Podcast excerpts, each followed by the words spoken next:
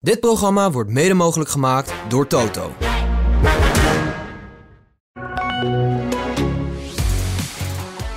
Als je één ding moet zeggen over de eerste Grand Prix van Las Vegas, dan was het wel dat het verhalen brengt. Verhalen over putdeksels, een collectieve claim en een race met een verhaal.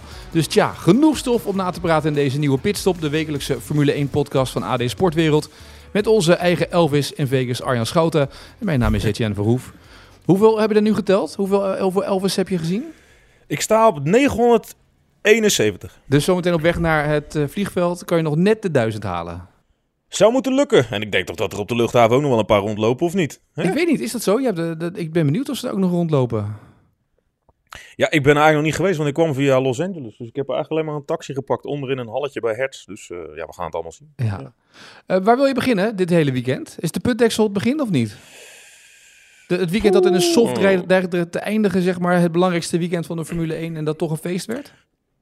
Ja, misschien moet ik er gelijk even eh, op loslaten dat ik eigenlijk vind dat ik naar een modern sprookje heb zitten kijken. Oh? Ja, zo is het toch een beetje begonnen. Ik bedoel, het is eigenlijk eh, de grote suikeroom die eh, wereldwijd eh, populariteit geniet. Ja. Die dan in een sport stapt waar iedereen zoiets van heeft. Oh nee, oh nee. Oké, ja, het kan wat worden, maar ja, het zal wel eh, zo'n klatergouden glittershow worden die niet helemaal bij onze sport past.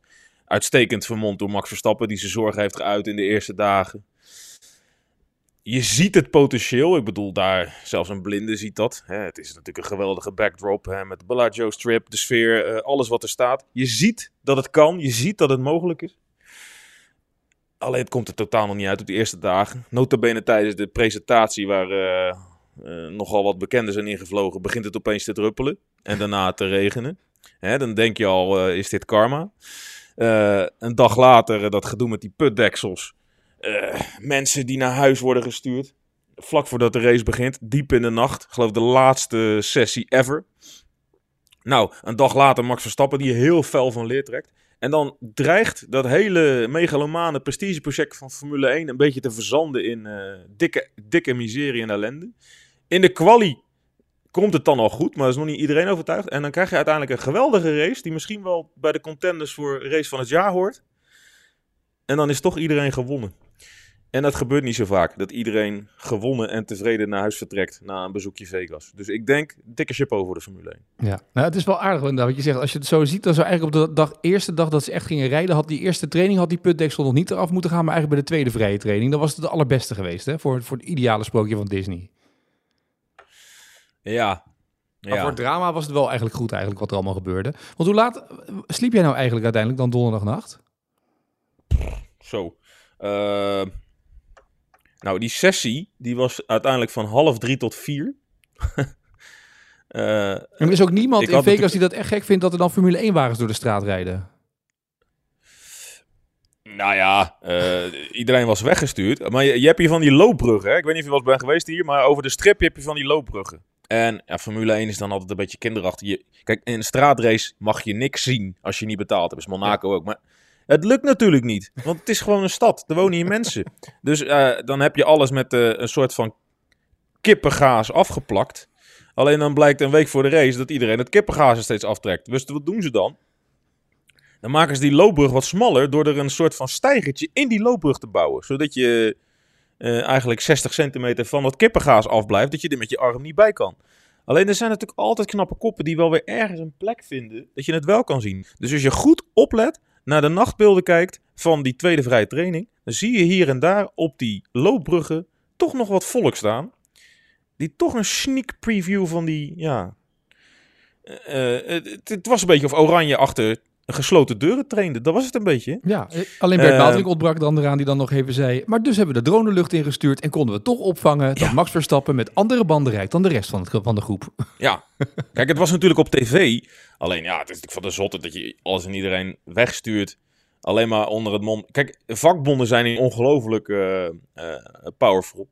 Dus iedereen moest gewoon naar huis om half twee aan het personeel. Anders krijg je daar een heleboel claims van op je kop. Ehm, al moet ik wel zeggen dat het helemaal niet zo druk was op die donderdag. Hè, want uh, Formule 1 wil doen geloven dat het drie dagen uitverkochte boel was. Ja, uh, Amahula. Uh, er zat echt superveel leeg tussen donderdag. Ehm, dus een heleboel mensen haakten ook al af toen het zo lang duurde. Ik sprak drie Nederlanders die zeiden, ja, we hebben weekendkaarten. Ik ga ook gewoon naar bed. Ik wil ook nog een beetje niet gebroken zijn de rest van het weekend. Ja, maar die donderdag, dat was, een, dat was een wonderlijk. Ik lag heel laat in mijn bed. Ik denk om kwart voor vijf of zo. Ja. Maar als je erover na gaat denken, dan heb je al een paar jaar volg je deze sport.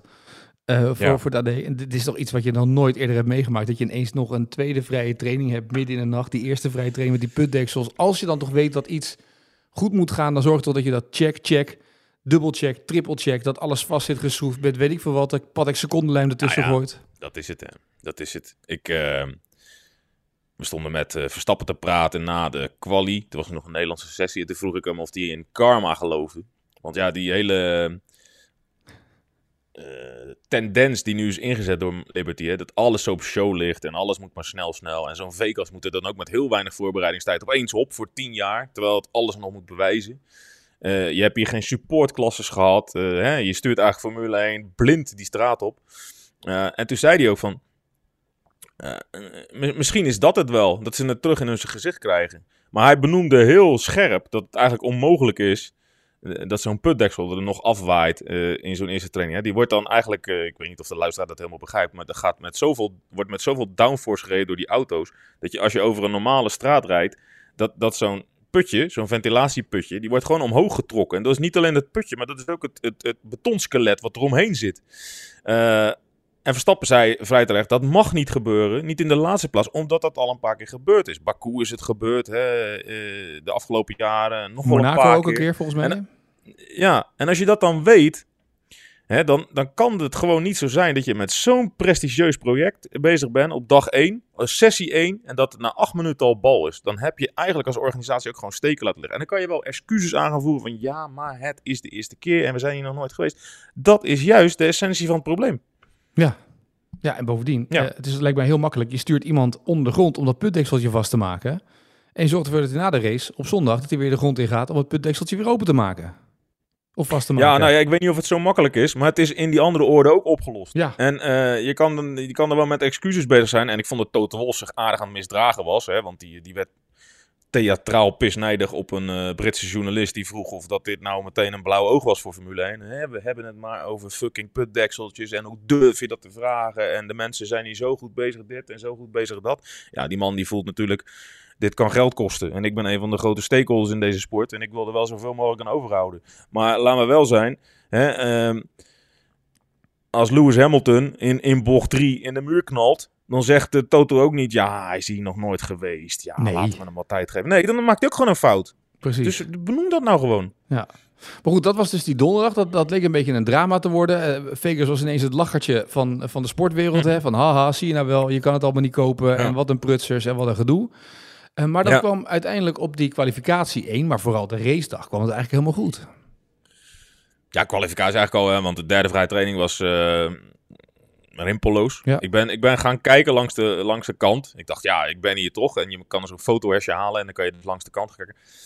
Busje genomen, uitgestapt bij de sfeer. Nou, dat was echt geweldig. Dat is die bol, hè, de sfeer. Uh, dat is die bol, zeg maar, die daar nu staat, waar ja. U2 heeft opgetreden pas. Ja, ik heb uh, heel vaak uh, dit al gedaan bij Formule 1. En bij Monza is het bijvoorbeeld heel gaaf om echt die snelheid te voelen. En in Melbourne heb je dat ook wel, want daar sta je er heel dicht op. En Montreal is heel gaaf met die rare tribune waar ze eerst onderdoor rijden en dan weer terugkomen. Maar deze setting, ja, het was eigenlijk alleen maar te vergelijken met Monaco. Het is gewoon of dat je in een hele normale stad staat. Uh, uh, en dan opeens van die monsters zo langs je heen razen. Dat is echt prachtig. Dus die dag was al heel mooi. Um, en uh, ik was toen op de dag zelf ook al, we waren uitgenodigd door de Bellagio Fountain Club. Oh, is dat een club? Dat is iets, ja, nou, dat, is een, uh, dat was eigenlijk is een beetje spontaan uh, voor deze Grand Prix in het leven geroepen. Maar dat is, je, moet, je moet je voorstellen, het is gewoon een heel groot plateau voor de VIP's.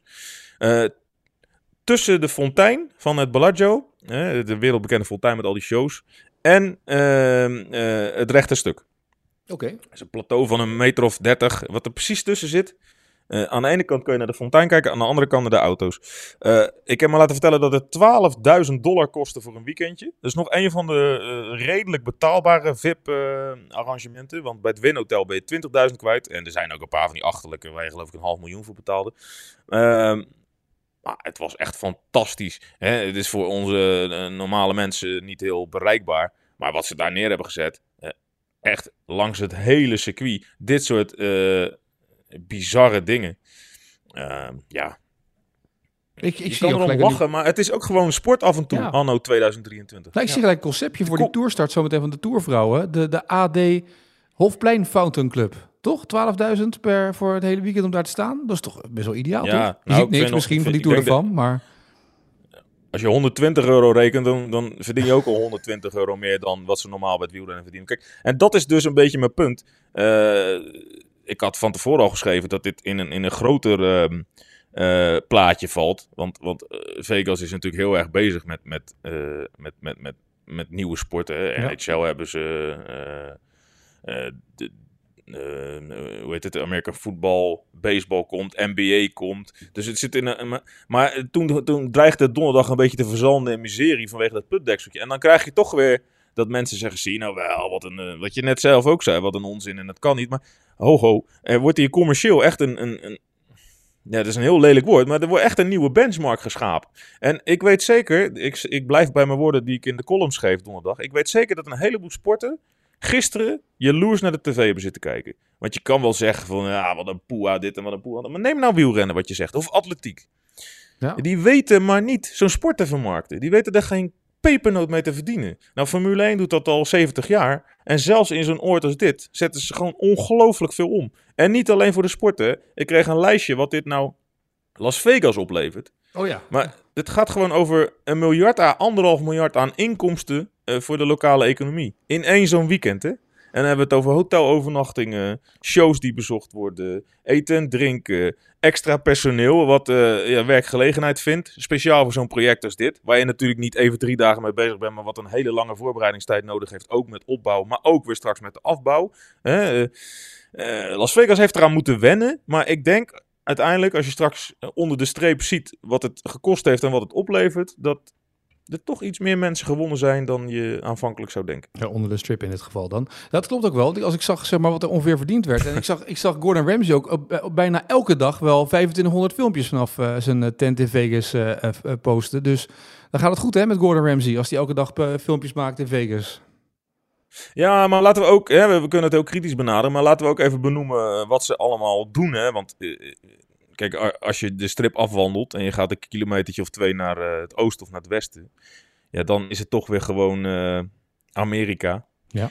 Met alle problemen van dien. Hè, ik was eh, zondagochtend aan het hardlopen in een parkje. Nou, het duurde een half uur en toen werden de drie van die jonkies door de politie aangehouden. Omdat ze met drugs liepen te kloten. Er, de, de, er was zo'n kerkdienst waar homeless people gratis maaltijd konden halen. Maar dat, de, de, de, de Las Vegas eh, Grand Prix Foundation heeft dus 1 miljoen gratis maaltijden aan de, de, de lokale voedselbank eh, beschikbaar gesteld. Eh, ze hebben een heleboel maaltijden voor de homeless en uit huis geplaatste schoolstudenten. Hè, dat doen ze ook allemaal. En het zou een beetje lullig zijn om dat onbenoemd te laten. Ik bedoel, de, Formule 1 komt hier natuurlijk geld harken. Laat dat als een paal boven water staan. Maar ze doen er ook heel veel aan om een hoop terug te geven aan zo'n stad. En Ja. misschien is dat een beetje van, eh, ja, laten we het maar voor het goede plaatje doen. Alleen ja, het, Ja, het is tegenwoordig heel hip natuurlijk. Elke, elke Amerikaanse franchise, of het nou hockey, ijshockey is of basketbal of Amerika voetbal, heeft natuurlijk iets met charity en voor de lokale. Het, is, bij- het moet bijna, zeg maar. Hè? Als je iets organiseert in Amerika, moet je gelijk iets voor de lokale Ja. mensen doen. En, en dat is bijna, ja, dat is dan het voordeel voor die mensen ook. Dat dat nu gebeurt met zo'n Grand Prix. Ja, en ze betalen honderden miljoenen aan eh, LAT, zoals dat dan heet hier, Live Entertainment Tax. Eh, die, die, ja, die, die krijgt Las Vegas en die kunnen ze dan eh, op, op, op hun eigen manier uitgeven. Wat de, de mensen nodig hebben. Nou ja, de wegen zijn geasfalteerd. Eh, zo kan je er ook naar kijken. En ik snap wel dat de mensen in Nederland die die Formule 1 toch allemaal kloten vinden, denken van, ja, doe er niet zo hypocriet schout, wat lul je nou, die mensen komen daar alleen maar harken. Ja, maar kijk jij dan eens hoe de KNVB nou handelt in dat soort ethische kwesties als Qatar. En dat proberen ze dan met een paar van die culturele evenementjes goed te breien of zo'n of zo'n of zo'n armbandje te dragen. Dan gaat dit toch veel verder. Dit gaat gewoon serieus over knaken. Ja, maar de mensen alleen zeg maar, die nu, de, over wie jij het hebt, die denken, ja, die Formule 1 die luisteren deze podcast niet. Hè? Dat begrijp je ook. Hè? Maar misschien dat mensen die hem luisteren dat door kunnen geven aan de mensen die zeggen dat het onzin is. Dat het op deze manier toch een beetje verspreidt, toch? Hè? Ja, al die zeven luisteraars van ons, die hebben allemaal een oom en tante die misschien niet luisteren. Nou, dan hebben we er toch veertien. Precies, Toch? nou dan gaan we Ja. snel door naar de 21 als ze oom en tante hebben, dus dat scheelt. Maar dan even naar die race. Want eh, die race, wa- wat was het nou dat die race, wat maakte die race nou? Want ik dacht op voorhand, het zijn Het rechte feit dat je hier niet... Het zijn rechte Ja, maar stukken. je rijdt hier niet heel makkelijk weg. Nee, dat is één, ja. Dat is één. Eh, eh, Je hebt eh, trage bochten waar je niet heel veel tijd hoeft te verliezen. Je zag het bijvoorbeeld heel goed aan Leclerc. Die, die werd af en toe weer ingehaald door die Red Bull, maar die wist in het spoor te blijven. Die Alpines die goed gingen. Ja, het, het- is gewoon heel moeilijk om. Kijk, wat, wat, wat Verstappen heel vaak op traditionele circuits doet, is, is eh, de kop pakken en dan langzaam wegtuffen. En steeds, elk rondje 600, zes- zes- 16e erbij. En ja, dan kom je uiteindelijk op zo'n marge van 18, 19, 20, soms wel een halve minuut. Maar dat, dat is hier gewoon op dit circuit onmogelijk. Er komt er ook nog twee keer een safety car. Ja. Die helpt ook mee. Eh, het onberekenbare van eh, koude omstandigheden. Want ja, het was gewoon fris. Eh, glibberig, de baan, hè, totaal geen grip. Af en toe was het net eh, Holiday on Ice. Ehm, ja, dat, dat speelt allemaal mee. En dan is het ook nog eh, een beetje spektakel met een godzijdank een goed afgelopen Nou. crash van, van Norris. Nou, je zal je? daar met je neus voor hebben gezeten. Dat, het zag er echt bijzonder intensief uit wat daar gebeurde. Maar dat is misschien wel juist door die lange rechte stukken, dat je eigenlijk dus ook ziet dat het verschil tussen die auto's op topsnelheid niet zo heel groot is. En dat je dus ook Nee. ziet dat, eh, dat je hier ook geen echte DRS-treintjes had. Dat was op zich ook wel weer leuk, toch? Ja, ja, nou ja, zo, zo is het. En het, het, het deed me een beetje aan Baku denken. Hè? Ook een stratencircuit. Ook van die lange rechte stukken. Ook zo'n circuit waar iedereen vooraf dacht: oh man, man, er wordt helemaal niks.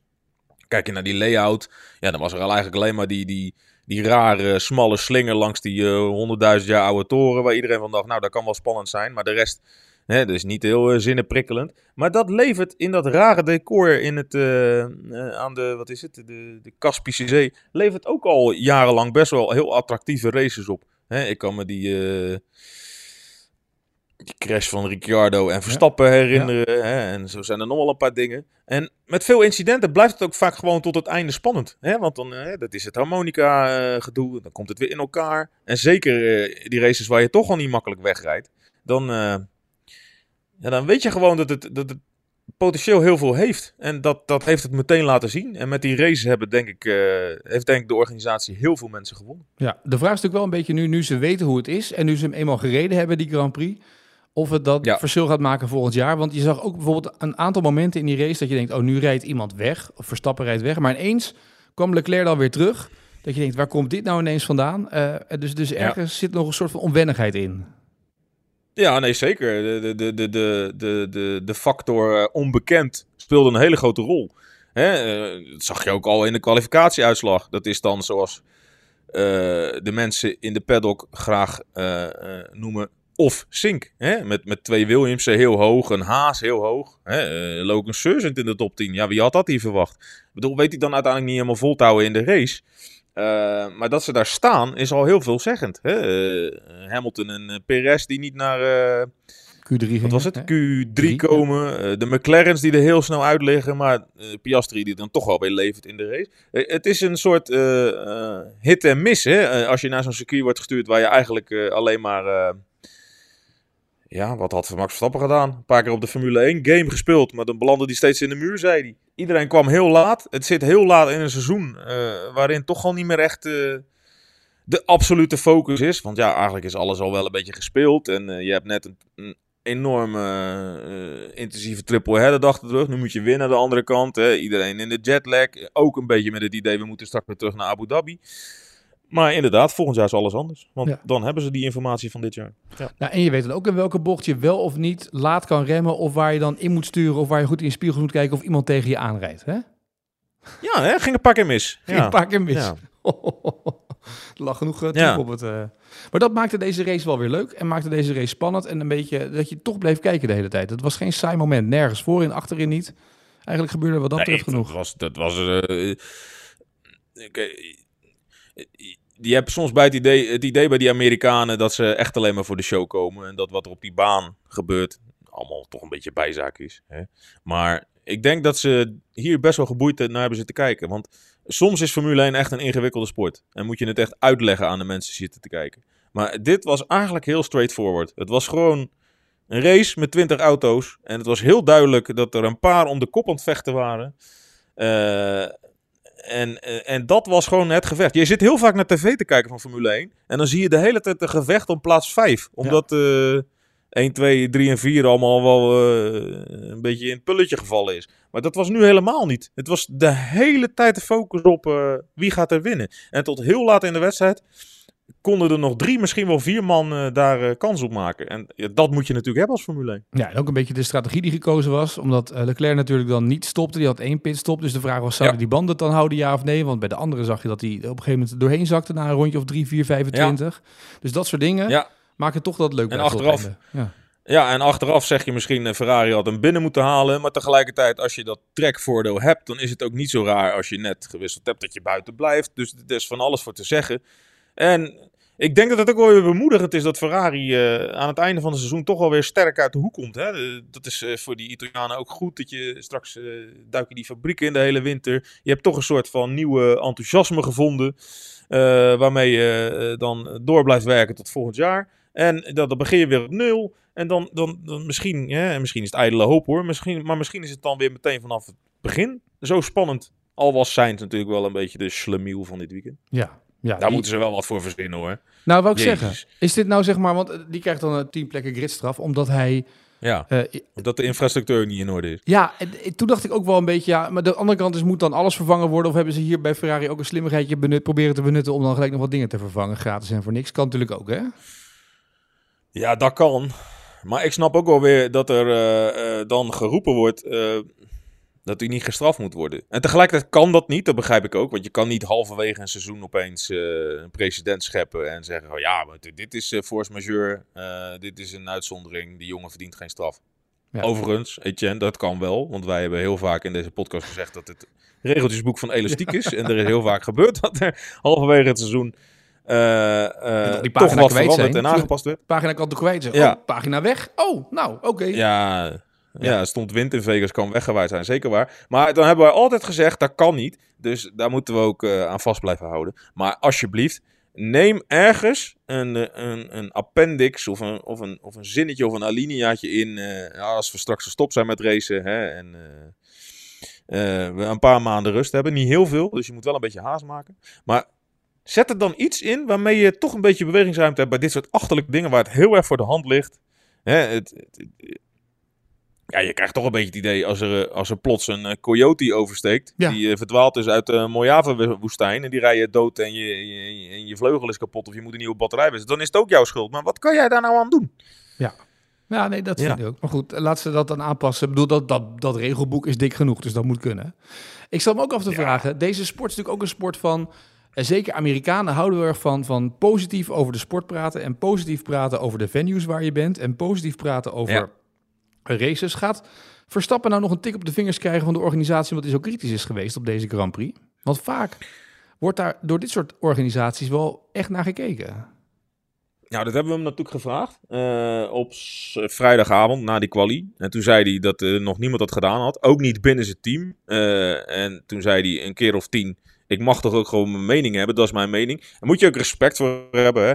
Het is ook wel een beetje de Max Verstappen die we kennen. Die zegt altijd en overal wat hij vindt. Is genadeloos in zijn kritiek. Zou ook een beetje raar zijn als hij hier nu als een, een of andere trekpop eh, meteen eh, eh, zegt dat hij het allemaal mooi en geweldig vindt. Dat zou je hem ook niet geloven. Nee. Maar hij speelde ook natuurlijk een beetje hard to get hè, in Sin City.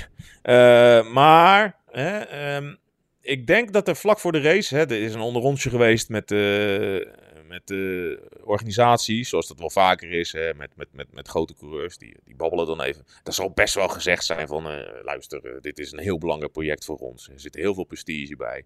Dat liet Horner ook wel een beetje doorschemeren. Ehm, en tegelijkertijd, ja, is het, is het zo erg dat hij het roept. Het, is, het, het leverde toch hele spraakmakende uh, ja, gelukkig publiciteit op Ja. Vegas. En uiteindelijk kwam het ook allemaal goed. Uh, hè? Dus in die zin was het ook een soort van.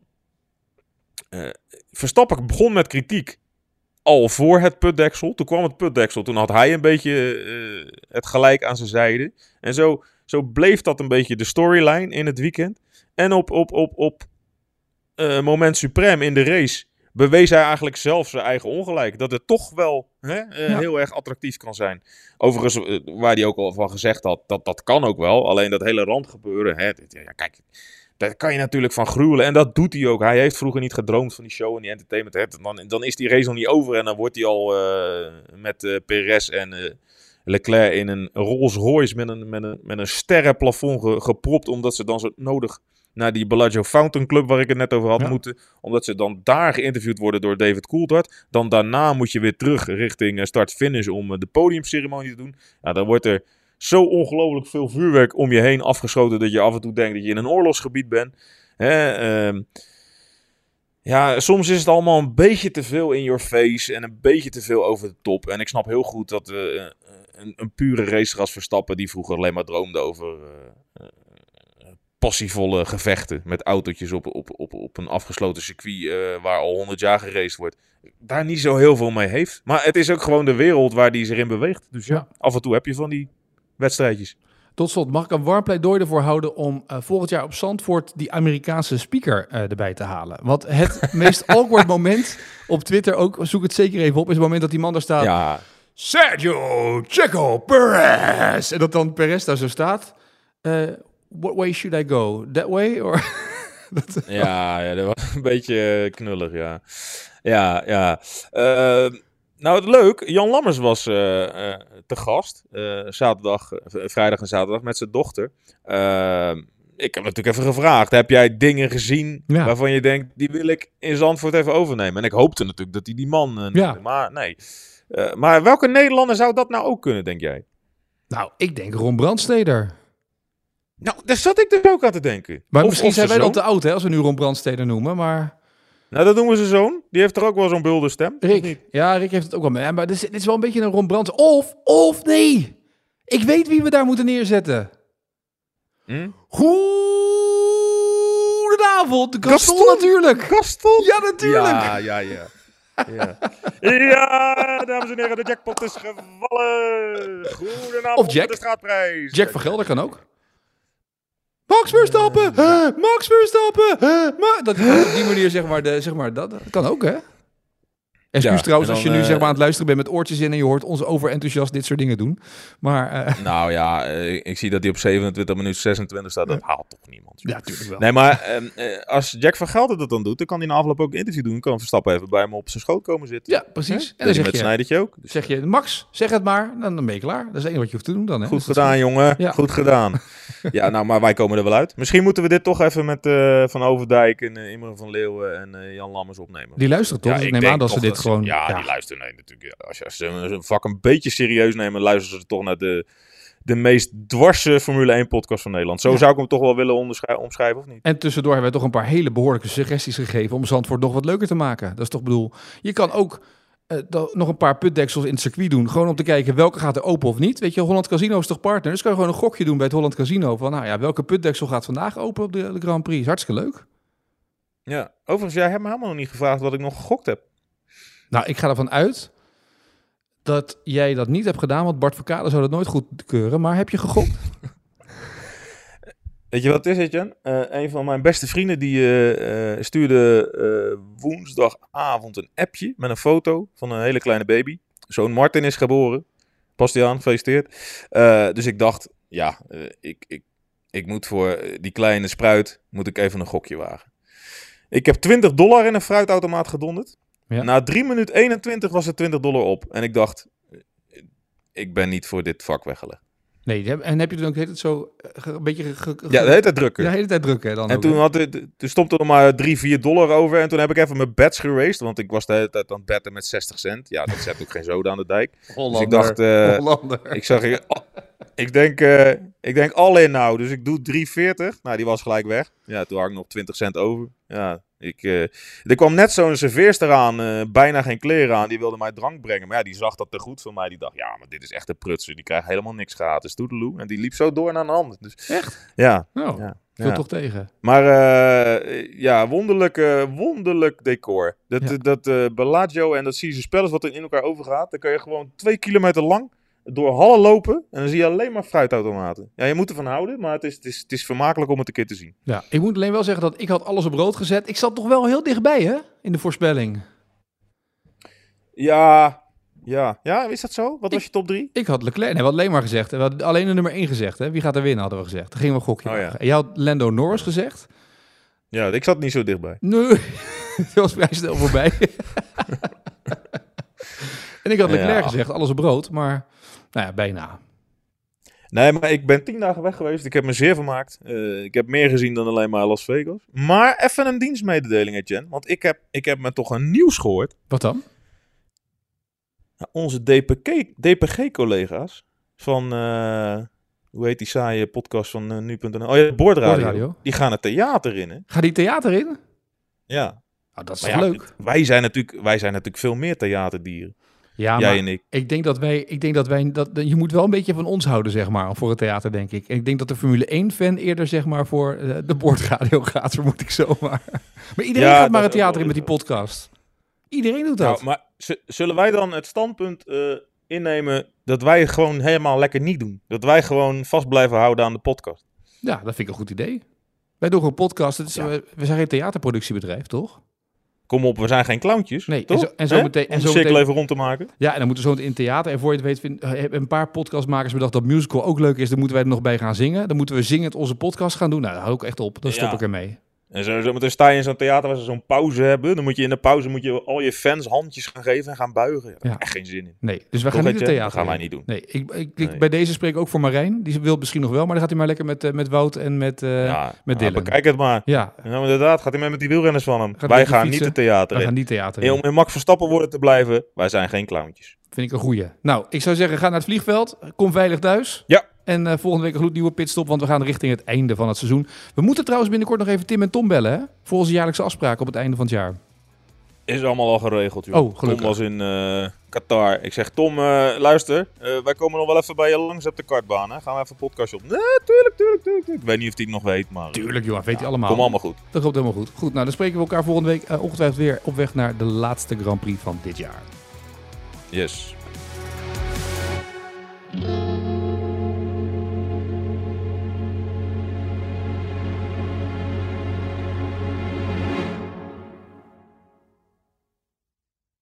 Dit programma werd mede mogelijk gemaakt door Toto.